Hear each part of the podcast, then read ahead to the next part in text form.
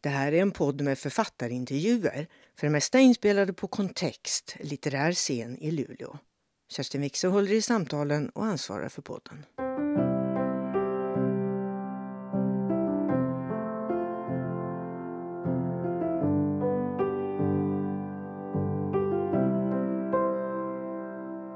Välkommen Anneli Jordahl. Tack. Alltså i år är du nominerad till Augustpriset Ja. med din senaste roman. Ja. Björnjägarens döttrar. Vi ska snart prata om den. Men först, du sitter ju också i juryn Mm. eh, som delar ut eh, det stora Amy Jonsson-priset. Det är ju faktiskt ett pris som är lika stort som Augustpriset. Och ni är en jury som nominerar och utser vinnare. Det här tänker jag betyder att du har ett förhållande till Amy Jonsson. Jag har ett förhållande till Eivind Johnson men det är inte riktigt färskt. Alltså han var en ungdomsläsning. Så i min bokhylla så finns då naturligtvis romanen om Olof. För att jag har haft i min, eh, som skribent har jag varit eh, inriktad på de svenska arbetarförfattarna. Men också Strändernas vall, Målen över Metapontion och ja, men sen blev jag ordförande i Ivar Lo Johanssons personliga pris. Så att jag har Ivar Lo har ett färskare förhållande till. Så du vandrar lite mellan Ivar Lo och Eivind? Liksom. Ja, jag, jag vandrar mellan eh, de svenska stora arbetarförfattarna kan man säga. Men nu då så um, tänkte jag att eh, nu ska jag läsa om Krilonsviten. Dels för att uh, Eivind Johnson där, han har sju huvudpersoner. Precis som jag i min bok. tänkte jag nu ska vi se, han är ju så otroligt skicklig. Hur har han hanterat de här sju och då ser jag att han har ju inte samma svårighet som jag. Alltså de här eh, odågorna, de är ju tillsammans hela tiden och fightas. Han följer ju dem ofta, en och en. Alltså, Ja, i Krilon är det, inte sju, det är liksom inte sju personer som hela tiden håller på som i Nej. Nej. och gyttjebrottas och Nej. så. Nej, Nej, det är inte alls. Det är på en helt, det är på en helt annan nivå kan man säga. det är det. Men det är väldigt spännande att läsa den för att den känns så komment- som att den kommenterar dagens politiska läge där vi befinner oss i. Så jag blev helt kallsvettig när jag läste den. Ja, alltså det är ju det som är så märkligt med just Krilonsviten. Ja. Att jag tycker alltid man hamnar, nu har jag blivit så gammal så jag, jag har, tycker jag har varit i en sån period förut också och tänkt liksom, men herregud Krilon, det är ju precis det här han skriver om och nu är det så igen. Ja, nu Så att det går lite i vågor det där. ja. Och sen är jag nyfiken på att läsa Krilons resa för då handlar det om Norge under kriget.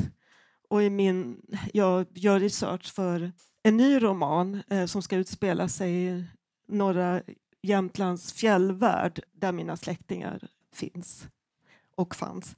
Och de hade ju sex kilometer Till gränsen. till nazisterna. Och där fanns ett pensionat som hette Jordals fjällpensionat, ett litet pensionat. Sådär. Och eh, på nätterna gick man över fjället, plockade över människor över gränsen som har flytt från de olika lägren i Norge och så. Så gömdes de på Jordals fjällpensionat. Så jag blev så nyfiken då på, på när Krilon reser i Norge. Jag håller på att kolla upp Norge mycket under kriget och så inser hur mycket okunskap jag har haft. Där finns oerhört mycket att berätta ju. Mm. Men du, det, nu tänker jag både Eivind Johnson, Ivar Lo, alltså klassresor har ju du ägnat dig åt kan man Mm. säga en del. Mm. Alltså Anneli har skrivit både faktaböcker, du började med en eh, faktabok om jag kommer ihåg rätt. Sen jobbade du som, eh, som kulturjournalist i många år. Mm. Nu skriver du mest litteraturkritik förutom ditt författarskap, visst är det så? Ja, så är det. Men, men just arbetarlitteraturen, klassresorna har ju intresserat dig och jag tänker att Ja. där, har- där, där har ju du och Eivind någonting gemensamt. Han gjorde ju en Mm. enorm klassresa. En enorm klassresa, verkligen. Och jag funderar så mycket på Eivind. Alltså, jag har ju inte läst Eivinds böcker så intensivt på sistone. Däremot har jag läst ganska mycket om Eivind. Jag tänker på Birgit Munkhammars Hemligskrivaren till exempel. Och sen Jimmy Vulovic bok om ensamhet och eh, gemenskap i förvandling.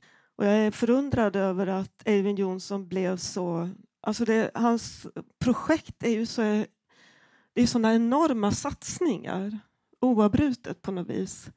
Ja, han blev på något sätt eh, eleganten och jag undrar så om han hade fortsatt klassångest när han satt där liksom i akademin och så vidare. Ja, det är spännande och eh, det är spännande att han fortsätter att och vara aktuell, tänker jag, och mm. lockar mm. så många. Och så är han, en, han är ju en sån fantastisk eh, författare. Du, nu ska vi prata om din roman. Mm. Björnjägarens döttrar heter ju då den. Det är en hejdlös, rå och brutal och fräck och väldigt rolig skildring av sju systrar i norra Finland i modern tid ska vi säga. Här förekommer mobiltelefoner. Man måste nästan säga det för annars så känns den ju inte så modern med tanke på det liv de här systrarna kommer att leva.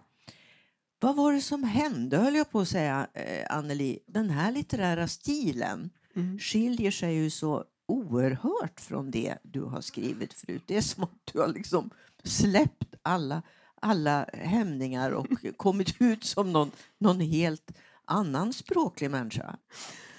Ja, men det, det, stämmer nog, för att jag har skrivit en ganska... Jag tycker livet är väldigt stillastående, så att jag har skrivit en sån typ av roman tidigare. Alltså att det är ett inre skred snarare. Och romaner som bygger mycket på olika stämningslägen och så. Men eh, det kan vara en bra metod ibland överhuvudtaget i livet att pröva och gå emot sina principer. Och det var det jag gjorde här, att eh, använda mig av en allvetande berättare som jag har ratat, för att det har jag tänkt också är omodernt. Så gör inte en nutida författare. Jag tycker mitt liv har varit så fullt av auktoritära röster så jag vill inte ha någon auktoritär röst som bestämmer över huvudet på mina romanfigurer och så. Men nu tänkte jag att jag skulle testa det. Så det var ju helt nytt. Alltså idén var ju att skriva vidare på en klassiker.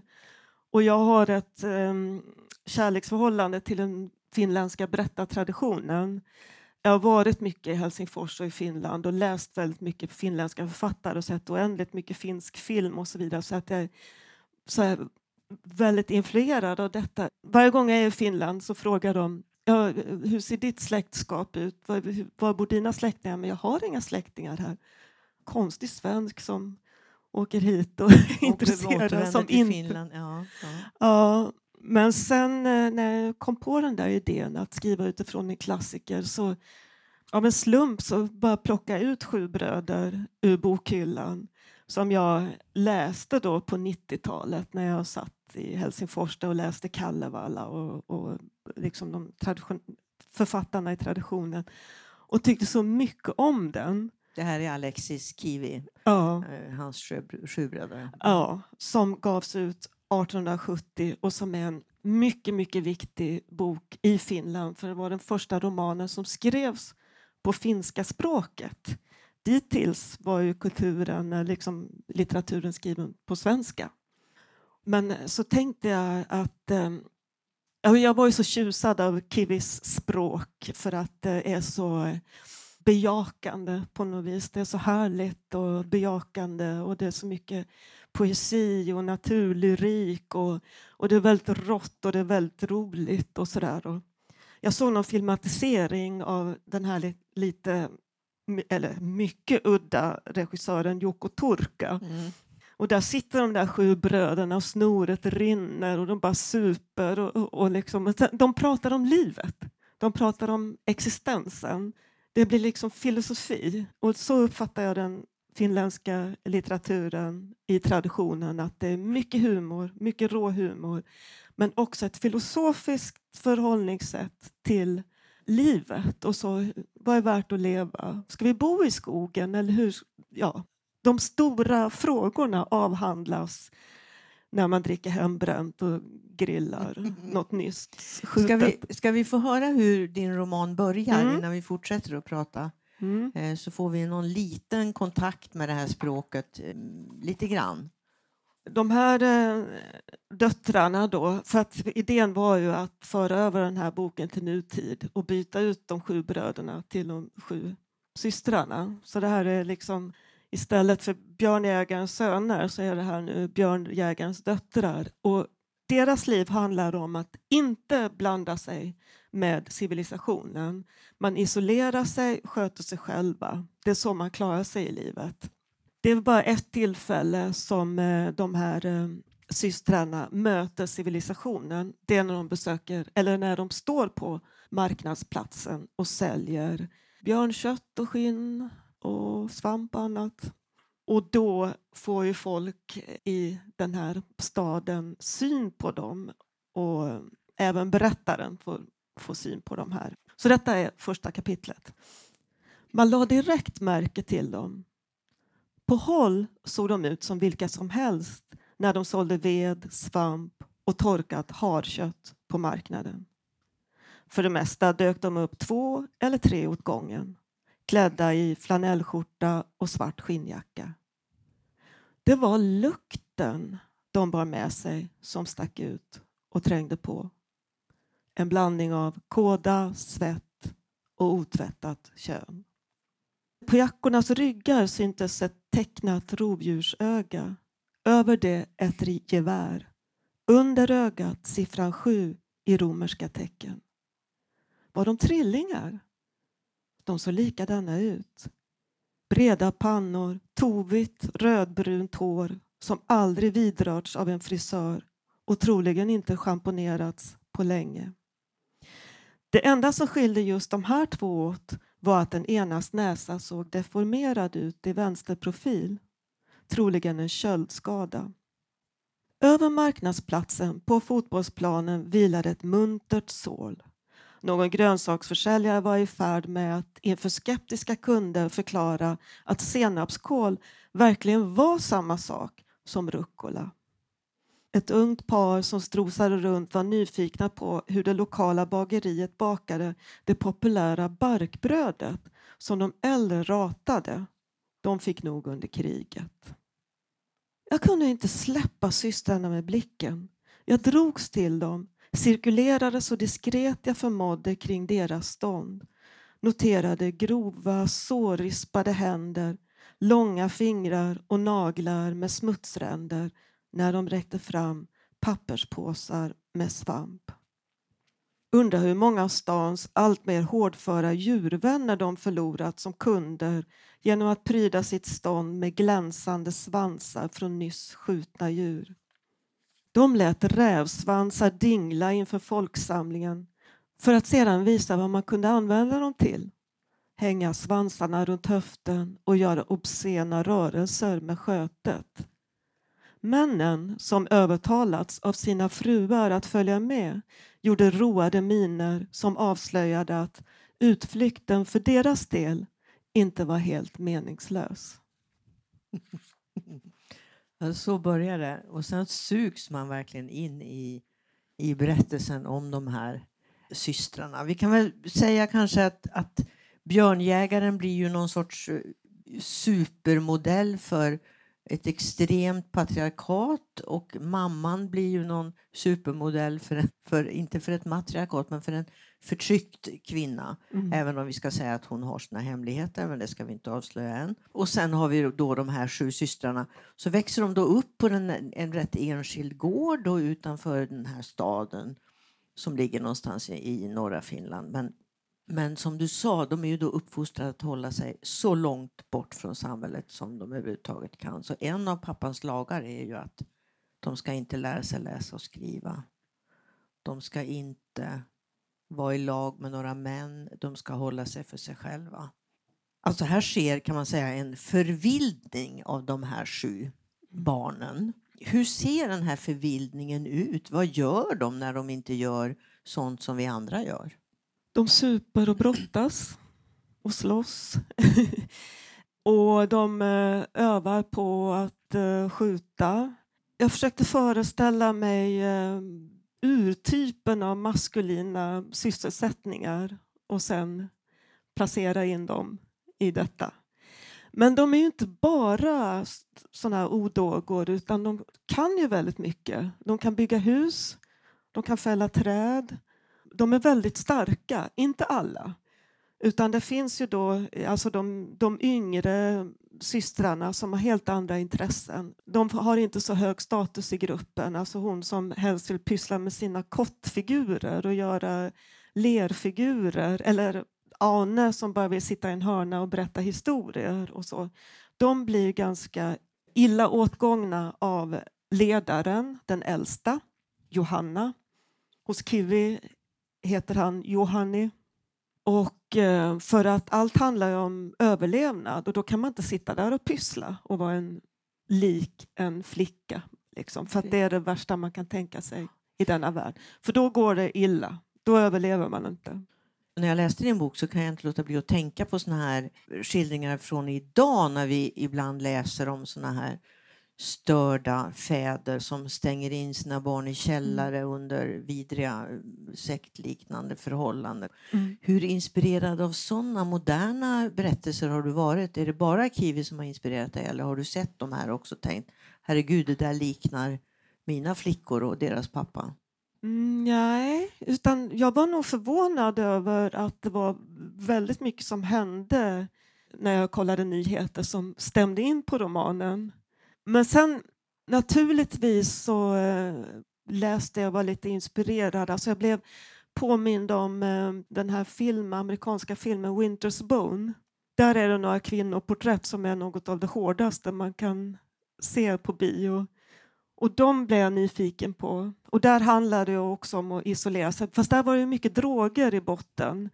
Så de isolerade sig på grund av det de här flickorna är ju inte brottsliga förutom att de, ehm, ja, tjuvjakt är ju brottsligt men det, det, är liksom inte mord och droger och så, det, det är inte den typen av brottslighet. Liksom. Nej, så de är inte rövare, det är inte, nej. så, det är inte så de lever. Nej. Men du, mm. alltså, du måste ju ha haft otroligt roligt när du skildrade den här, den här förvildningen. Det märks mm. i, i språket och energin i berättelsen. Varför var det så roligt?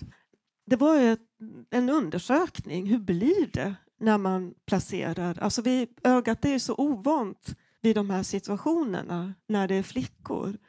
Så det var ju både en prövning och väldigt roligt. Jag har ju inte skildrat våld tidigare. Handgripligheter det fick jag ju göra nu och det, det var en liten, liten konst det också.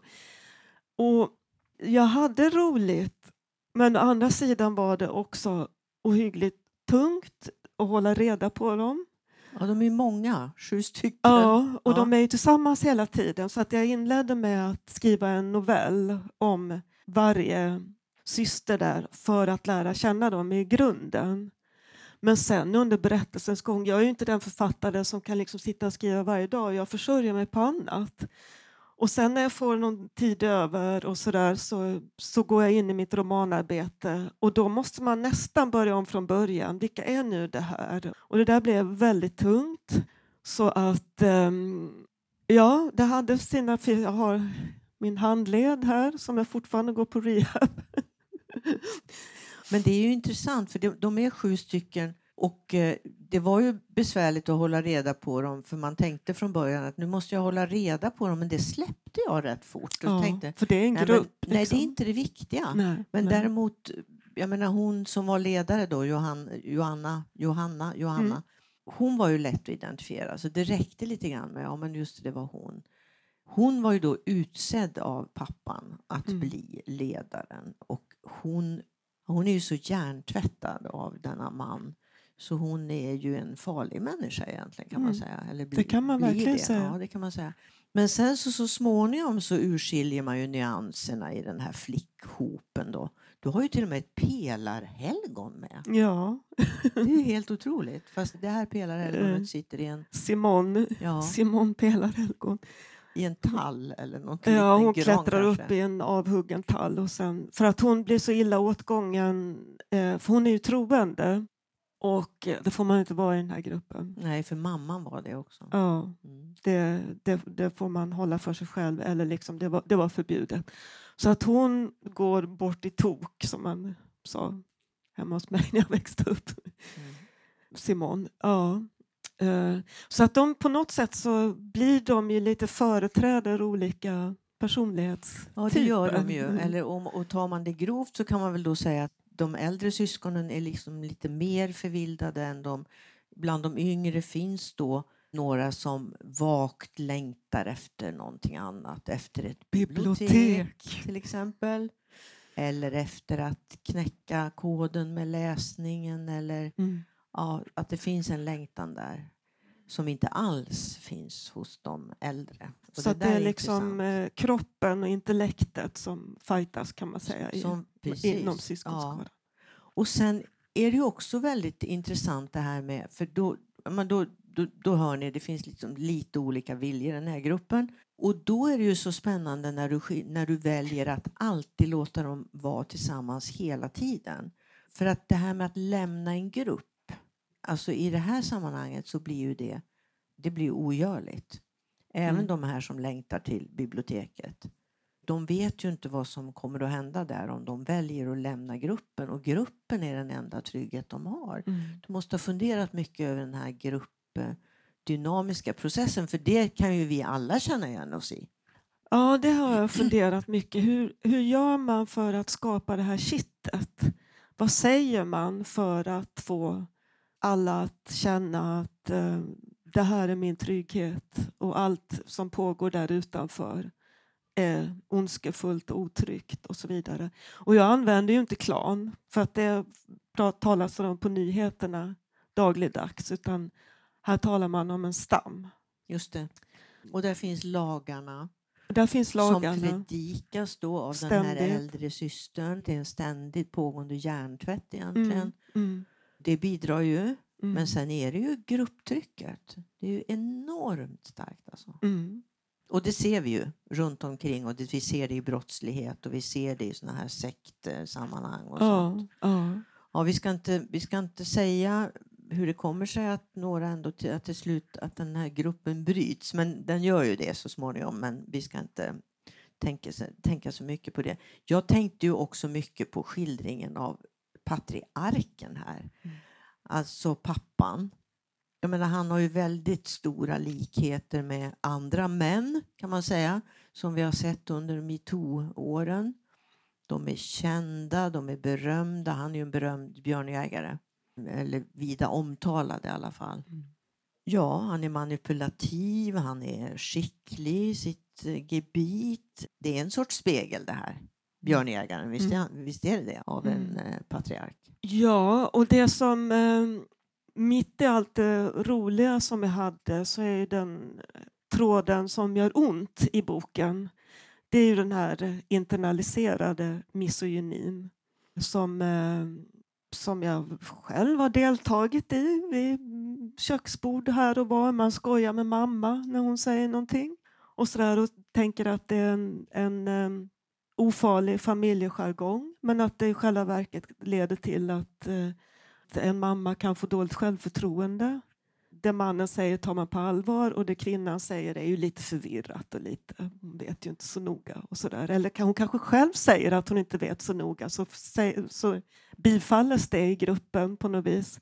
Det är den där, ehm, ja när kvinnorna då, då bidrar till att förtrycka sig själva och varandra för att man har det i, i sig på något sätt genom historien och så.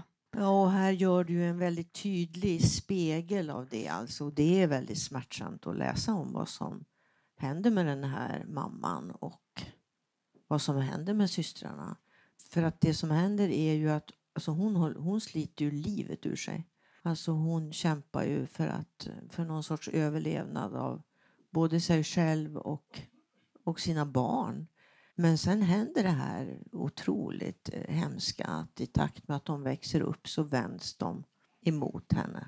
Ja, alltså det, hon har ju den här otacksamma rollen, den osynliga rollen, alltså personen som sköter hemmet och sköter laggården och sköter allt medans pappan då, eller maken eh, är borta på jakt och så vidare. Och eh, hon får inte med sig de här odågorna att hjälpa till. För det tycker de är en tråkig uppgift, för de vill ju göra alla sysslor som, som pappan gör. Och sen, sen längtar de efter att pappan ska komma hem och när han väl kommer hem så är han ju helt underbar. Och luktar svett och kåda och blod och, och de sätter sig i hans knä och han leker med dem och så vidare. Så går mamman omkring där och är arg. Hon blir väldigt arg. Men hon är inte den som de tror. Faktiskt inte. Och det, det visar sig ju sen.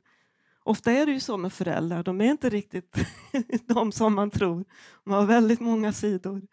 Men som man kanske upptäcker när man blir äldre. Just det, vi ska inte, men vi ska inte spoila det. För att, eh, om ni inte har läst boken så vill, vill ni inte att vi talar om vad det är, som, vad det är för hemlighet hon bär på. Men det är, det är faktiskt rätt otäckt att läsa om det där. Alltså mm. att de börjar ju till och med så småningom smida planer på att döda mamman. Mm. Alltså, de vill bara att hon ska försvinna för de tycker att hon är hemsk. Liksom. Eller, det är efter att han har dött, då, björnjägaren. Men mm. nej, då ska hon också bort för att hon är en vidrig människa. Och det där tänker man då, men kära små flickor, ni kommer snart upptäcka att ni har en del av er mamma i er också. Ni är faktiskt samma kön, men det har de inte ens tänkt på tror jag. Nej, det har de inte tänkt på. Det var någon som intervjuade mig som sa att det här är ett matriarkat. Och det är det ju, bara det att de själva skulle de skrika högt ifall någon hade påstått det. Precis, för det är inte, det är inte fint nog utan det är, det, det, är det manliga som mm. är, mm. som är så att säga, ledstjärnan i, i, den här, i den här gruppen. Alltså mest krut lägger du i romanen på att skildra deras vilda liv, deras gyttjebrottningar, deras sexlekar, deras jakt, deras eh, timmerhuggning, deras överlevnadskonst och deras supande. Gud vad de super. Så länge de har sprit mm. så super de. Det finns ju också en sorts socialiseringsprocess i slutet. Mm. Men, men den eh, lägger du inte så mycket krut på. Det tyckte jag var väldigt skönt att du liksom, det gick rätt fort det där. Men då började jag tänka igen på såna här sekter för att jag såg en dokumentär en gång om just en sån här socialiseringsprocess mm. med en stor syskonskara som skulle slussas tillbaka in i samhället. Och det gick väldigt bra för några men för några bara vägrade. Liksom. Mm. Mm. För de var så hjärntvättade så det tog många, många, alltså fler år mm. innan, innan man kunde komma åt det. Så är det ju för dig också med flickhopen här på slutet. Ja, jo det är det ju. Men det jag mest hade tänkt på det var, alltså Kivis roman handlar om hur Finland gick från jakt och fiskesamhälle till bondesamhälle. Så att i slutet så blir de sju bröderna anpassade medborgare. De blir liksom skötsamma bönder och de gifter sig och, och, och liksom bildar familjer och så. Och då, det kände jag var lite trist. Jag tyckte om de här flickornas vildsinta syn på tillvaron och så. Och, och i, på film och eh, i fiktionen, alltså i litteraturen, så, så vinner nästan alltid staden mot landet alltså landet är det mycket våld och brott och mörker och att det är svårt att leva medan staden är så härlig. Liksom. Och jag vill vända på det, för jag tycker att det är en, en um, falsk bild. Så att jag vill att de skulle fortsätta att vara vilda medan några av dem är mer vilda än de andra. Ja, det finns ju ett undantag där, men det ska vi inte säga för då, då spoilar man verkligen. Och så. I, I berättelsen så försvinner poesin på slutet. Den delen som handlar om staden, där finns ingen magi. Liksom. Så det är lite grann det jag spelade mot stad och land, den dragningen emellan. Och, och kort sagt, det finns ingen poesi i staden. I staden? Nej. För dem. För dem, nej. Det kan man ju också ha lite svårt att se faktiskt. För nu tänker jag på hon som berättar den här historien igen, mm. som du sa i början att det är en att nu har du använt dig av en allvetande berättare mm. i alla fall. Och jag blev lite lättad över det för jag tänkte herregud, nu slapp du på det sättet göra research i vildmarken själv. Sitta i en timmerkoja i, i 40 minusgrader och jaga din egen mat. Du är inte riktigt den typen, eller hur? Du Nej. hade inte klarat det. Nej, inte sådana strapatser, det hade jag inte klarat. Men du har Eh. kunnat beskriva dem. Alltså hur har du, hur har du researchat? Ja, men det, tack för den frågan. Jo, alltså, jag har en fallenhet för att beskriva skogen och naturen för att jag är ju uppvuxen på landet och min morfar var skogsarbetare i Malung. Älskade skogen, djuren, fåglarna, växterna och lärde sina barn väldigt mycket. Så att, och jag var mycket hos mormor och morfar när jag växte upp och, eh, och mamma kan också mycket om skogen. Så hon, när hon läste den här sa hon jag gråter när du skriver om skogen. Men jag känner mig väldigt hemma där och det, det finns nog eh, i generna. Och sen, alltså med mina tidigare böcker, jag har ju skrivit eh, flera historiska romaner som har krävt rigorös research. Alltså jag har läst på, alltså jag har suttit så mycket i arkiv. Och det var också en sak att gå emot principerna. Nu ska jag inte sitta i arkiv, jag ska bara ösa på. Men eh, det jag har haft bredvid mig det är Yngve Ryds böcker. Om en så underbar Timmerhästens bok. Inte, faktiskt inte den, Inte- utan en inte som den, heter Snö Ja. och en som heter Eld ja. och en som heter Ren och varg. Oh, Och där har jag långt liksom direkt hämtat saker och plockat in. Och så. Det är ju nördarnas nörd, underbara böcker. Tyvärr finns han ju inte bland oss längre. Nej. Nej. Jag träffade honom någon gång. Jag lyssnade på honom på bokmässan när han visade exakt hur man skulle döda en björn med spjut och exakt var spjutet ska träffa Ja. någonstans för att det ska lyckas. Liksom. Så kul kan man ha på bokmässan ibland. Precis. Och det var ju äldre samer som, eh, som han Berätta. inte hur många som helst har han talat med. Hur man gör upp en eld på fjället när det är regn, alltså i alla väder. Så du hade ju Yngves böcker som en sorts handböcker. Ja, det Ja. var de. Så det, den research jag gjorde var liksom hur ser lodjurets spillning ut exakt. Sen gick jag i skogen i Värmland, östra Ämtervik. Det var en skogsvandring i sån där riktigt gammal skog med sådana här tallar som är så höga, svindlande höga. Riktig gamskog. Alltså det var så trolskt och så häftigt. Det är de skogar som knappt finns längre. Så det, det är väl den researchen jag har gjort. Man kan ju ana en liten längtan, Anneli, efter, efter vildmarken ändå. Jag tänker på, Mm. det är ju intressant det här, både det du säger om stad och land och jag tänker på kulturyttringar av olika slag på de senaste 10-15 åren har det ju kommit otroligt många skildringar både i litteratur och inte minst på film som handlar om jag menar, den civiliserade människans längtan ut i det vilda och Mm. som beger sig ut på långa vandringar för att hitta sig själv eller Ja, det är ett modernt tema. brottas med en verkligen. björn. Eller, det, Mm. det är ju väldigt modernt. Vad, Ja. tän- vad tänker du att det där står för? Har vi blivit för civiliserade? Så vi längtar tillbaka till något ursprungligt eller vad handlar det om? Svårt att säga, men ja, det kan vara att, eh, att skräcken över att vi håller på att förstöra det vackra vi har gör att många kanske ja, vill se det och vill vara där så länge, så länge det finns kvar någonting av det, antar jag. Och det finns ju den här eh, ekoromanen, alltså det här eh, miljökritiska skildringar i poesin och ekopoesin och så vidare som är en stor våg eh, i litteraturen just nu.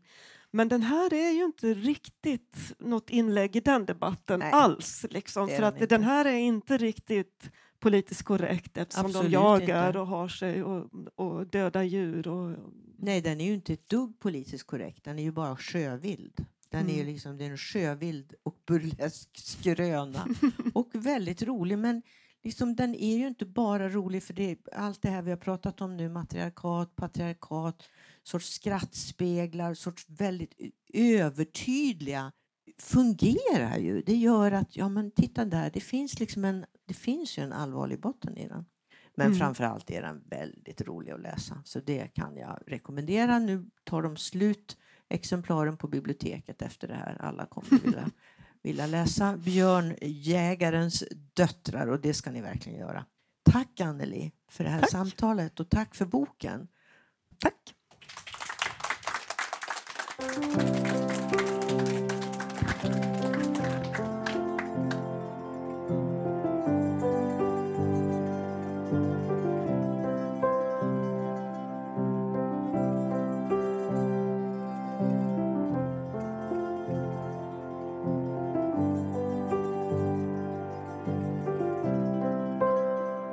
Kontext Podcast produceras i samarbete med Kontext, litterär scen i Luleå. Författarscenen drivs med hjälp av Statens kulturråd och Luleå kommun.